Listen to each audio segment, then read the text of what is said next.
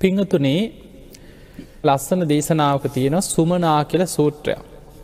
මේ සුමනා සූට්‍ර බුදු හාන්දුරුව මේ දේශනාව දේශනා කරන්නේ ඒ කාලෙ කොසොල් රජ්ජුරුවන්ගේ මාලිගාවේ එකම දවසේ දරුව දෙන්නෙක් ඉපදුනා කියන.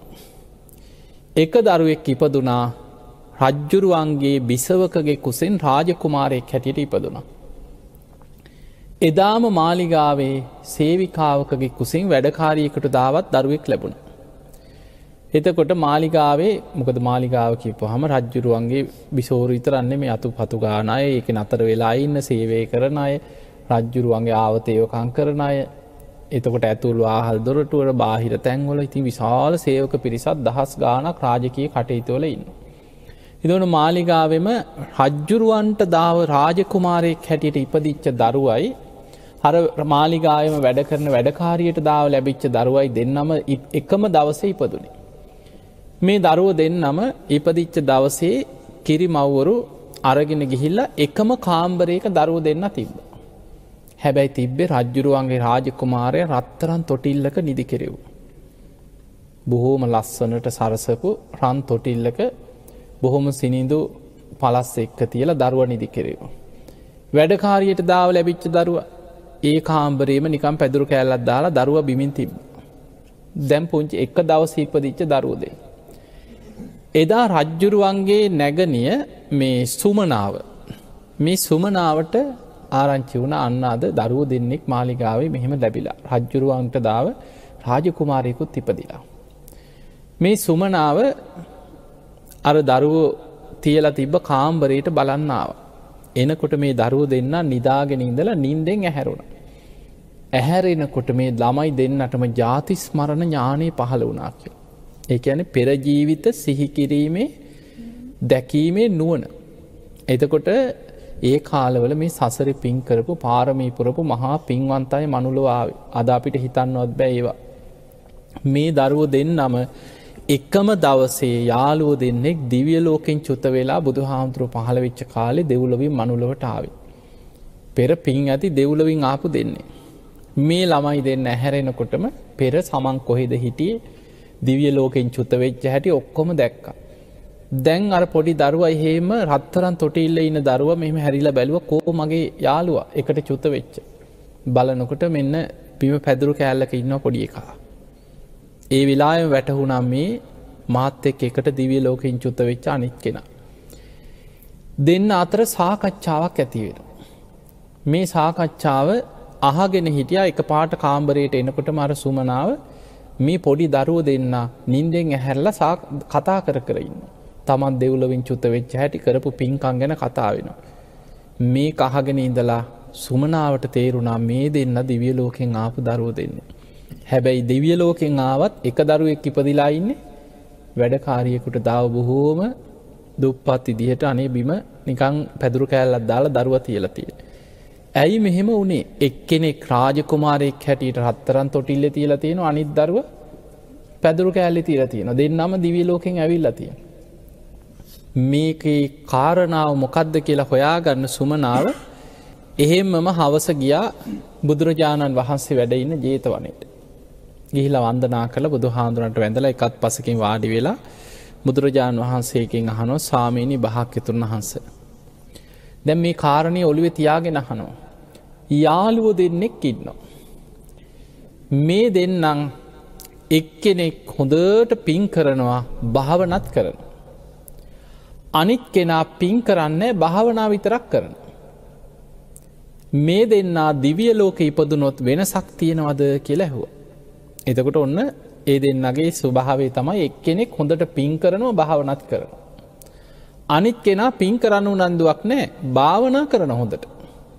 මේ යාලුව දෙන්නම දිවිය ලෝක ඉපදුනොත් වෙනසක් තියෙනවද කෙලැහවා. බුදුරජාණන් වහන්සේ වදල සුමනාවනි වෙනසක් තියෙනවා. පින්කරපු කෙනා දිවිය ලෝක ඉපදුනොත් මහේශාක්‍ය දෙවියන් අතර උපදිනවා කියව. බොහෝ බල සම්පන්න සැප සම්පත් වැඩි දිවිය කොට්ටාසවල පහළ වෙනවා අනිත් දෙවියන්ට වඩා ආයුෂයෙන් වරණයෙන් බලයෙන් තේජසින් ආලෝකයෙන් දිවිය සැප සම්පත්වලින් එයා බැබලෙනවා කිය. භාවනා කරපු කෙනත් දෙව්ලව යනවා. හැබැයි එයා ගොඩක් පින් කරලා නැත්නං එයා දිවිය ලෝක උපදින්නේ අල්පේ ශාක්‍ය දෙවියන් අතර පිනාඩු දේවතා කොට්ටාසක කිව උපදී. එයාට අර තරන් දිවිය සැප සම්පත් පහළ වෙන්න කිය. ඒ නිසා පිනට අනුව දිවිය ලෝකෙත් වෙනසක් තියෙනවා කිය. එතකොට සුමනාව කියනවා සාධු සාධු ස්වාමීනී පිනට අනුව දෙව්ලවත් වෙනසක් ඇති වෙනවා කියලා මං ඒක ඒ විදිහටම දරාගන්න. ස්වාමිනි භාගතුන් වහස මට තව ප්‍රශ්නයක් තියෙනවා කිය. ඒ තමයි දැම මේ දෙන්න කොහොමට දැන් දිවිය ලෝක ඉපදුනා කියම්. මේ යාලුව දෙන්නම දිවිය ලෝකයෙන් චුත්ත වෙලා මනුලොවට එනවා. සාමීනි භාග්‍යතුන් වහස මනුස්සලෝකෙත් වෙන සක්තියනවද කියලා. බුදුරජාණන් වහන්සේ වදාළ සුමනාව තියෙන. අර පින්කරගෙන මහේශාක්‍ය දෙවියන් අතර ඉපදිච්ච කෙනාගේ පින බලවත් නිසා එයා දෙව්ලවින් මනුලොවටාවත් උපදින්නේ රජ පවුලක සිටු පවුලක බොහෝ සැප සම්පත් ඇති බොහෝ බවබෝග සම්පත්වලින් බලවත් තැනක තමයිකිව යවපදින්. ඇයියාගේ පෙරපින බලවත් එයා සසරි පින් කරපු කෙනෙ. පින්කරපු නැති කෙනා භාවනා විතරක් කරපු කෙනා දිවිය ලෝකෙ ගිහිල්ලා අල්පේ ශාක්‍ය දෙවියන් අතර ඉඳලා දෙව්ලවී මනුලවාවත් එයා උපදින්නේ බොහොම දුප්පත් තැනක කියව. එයා අගහිගකං වැඩි එයාට කරදර බහදා වැඩි යාට ප්‍රශ්න වැඩි. හරි දුකසේ තමයි යාගේ ජීවිතය ගත කරන්න තියෙන. එහෙම තැනක තමයිකිව යා උපදින්. එතකොට සුමනාව කියනො සාධු සාධු ස්වාමිනි එහෙමනම් පිනට අනුව මනුලොවත් ඒ වෙනස්කම ඒ විදිහටම සිද්ධ වෙනවා කියන කාරණය මන් තේරුම් ගන්න. දැන් සුමනාව ඊළඟට තව ප්‍රශ්නයක් අහනවා. සාමීනි මට තවත් ප්‍රශ්නයක් තියෙනවා. මේ යාළුවෝ දෙන්න අම දැන් එකට පැවිදි වෙන. අපි හිතම දැන් රජ පවුලෙ කුමාරය වෙන්න පුළුවන් අර දුප්පත් පවුලෙ දරුව වෙන්න පුළුවන්. දෙන්නම පැවිදි වෙනකොට රජකන්ද සිටු කන්ද මොකවත් නෑ ශාසනයට ඇතුළුනාට පස්සේ ඔක්කොම අතහැල්ල පැවිදිවෙන්. සුනීත සෝපාකත් පැවිදි වුණ පැවිදිනකොට හම්බෙන මොනවද. අට පිරිකරේ තියන් ටික තමයි භික්ෂුවකට උරුම සිවුරු පිරිකර හර අට පිරිකර තමයි ලැබෙන්න පැවිදි වෙනකොට. රාජකුමාරය පැවිදි වෙනකොට දෙන්නෙත් ඒ පාවිච්චි කරන්නෙත් දැන් අපේ බෝසතාන් වහන්සේට අහසිං ඇවිල්ල ගටිකාර බ්‍රහ්ම දෙවියන් පූජ කරේ අට පිරිකර. එතකොට පාත්තරේ සිවුරු පිරිකර දරාගෙන රජ පවුලෙවේවා සිටු පවුලෙවේවා දුප්පත් පවුලෙවේවා සුනීත සෝපාක වේවා පැවිදි වෙනකොට කුඩාවූද මහත් වූද ඥාතීන් සැප සම්පත් ඔක්කොම අතහැරල ඔන්න නිවන් දකින්න කියලා දෙන්නම එකට පැවිදිවෙන. පැවිදි වුණාට පස්සෙත් වෙනසක් තියෙනවාද කියලා ඇහුව. බුදුරජාණන් වහන්සේ වදල සුමනාව තියෙනවා කියව. පැවිදි වුණාට පස්සෙත් ඒ වෙනස ජීවිත කාලෙම තියෙනවා. ඒමකක්දේ. සසරෙ පින්කරපු කෙනාට පැවිදි වෙච්ච දවසේදම් දානිටික ලැබෙනවා කිය හොඳට ලැබෙනවා කිවයෝ. තමන් යන යන තැන තමන්ට හොඳ කුටි සෙනසුන් ආවාස ලැබෙනවා කියෝ. ලෙඩත් දුකක් වුණොත් හොඳට වෛද්‍යවරු බෙහෙත්හෙත් දායකයෝ එක්කං ගිහිල්ල හොඳට ඒ සැප පහසු කන්ටික හම්බෙනවා කියෝ. ගිලම් පස ඕවන අවශ්‍යවෙන් ඇඳුම් පැළඳුම් නිදා ඉන්න කුටියක් ආහාර පාන ටික බෙහෙත් හේත් චීවර පින්ඩ පාත සේනාසන ගිලම් පස සිව් පසේ. ඕක තමයි මූලිකම අවශ්‍යදේ. ඒ අවශ්‍යදේ සසර පින්කරපු කෙනාට උපරිමෙන්ම ලැබෙනවා කියෝ. යන යන තැන ලැබෙනවා කිය. සීවලි හාමුදුරන්ට ලැබුණ. කැලේකට ගියත් දෙවිවරු විමාන මවාගෙන දන් දෙනවා කවදාවත් දානටික වැරදිලා නෑ කිය. කොහෙ හිටියත් දානමානටික ආවාස කුටි සෙනසුන් පුදුම විදිහට සැප සම්පට්ටික ජීවිත කාලෙම ලැබෙනවා. පැවිදි ඔක්කොම අතහැරලා එකම දවසි පැවිදි වුනත් සසරි පින නැති කෙනාට පින්ඩ පාතිගියත් එදාට දානිටික වරදිනවා කිය.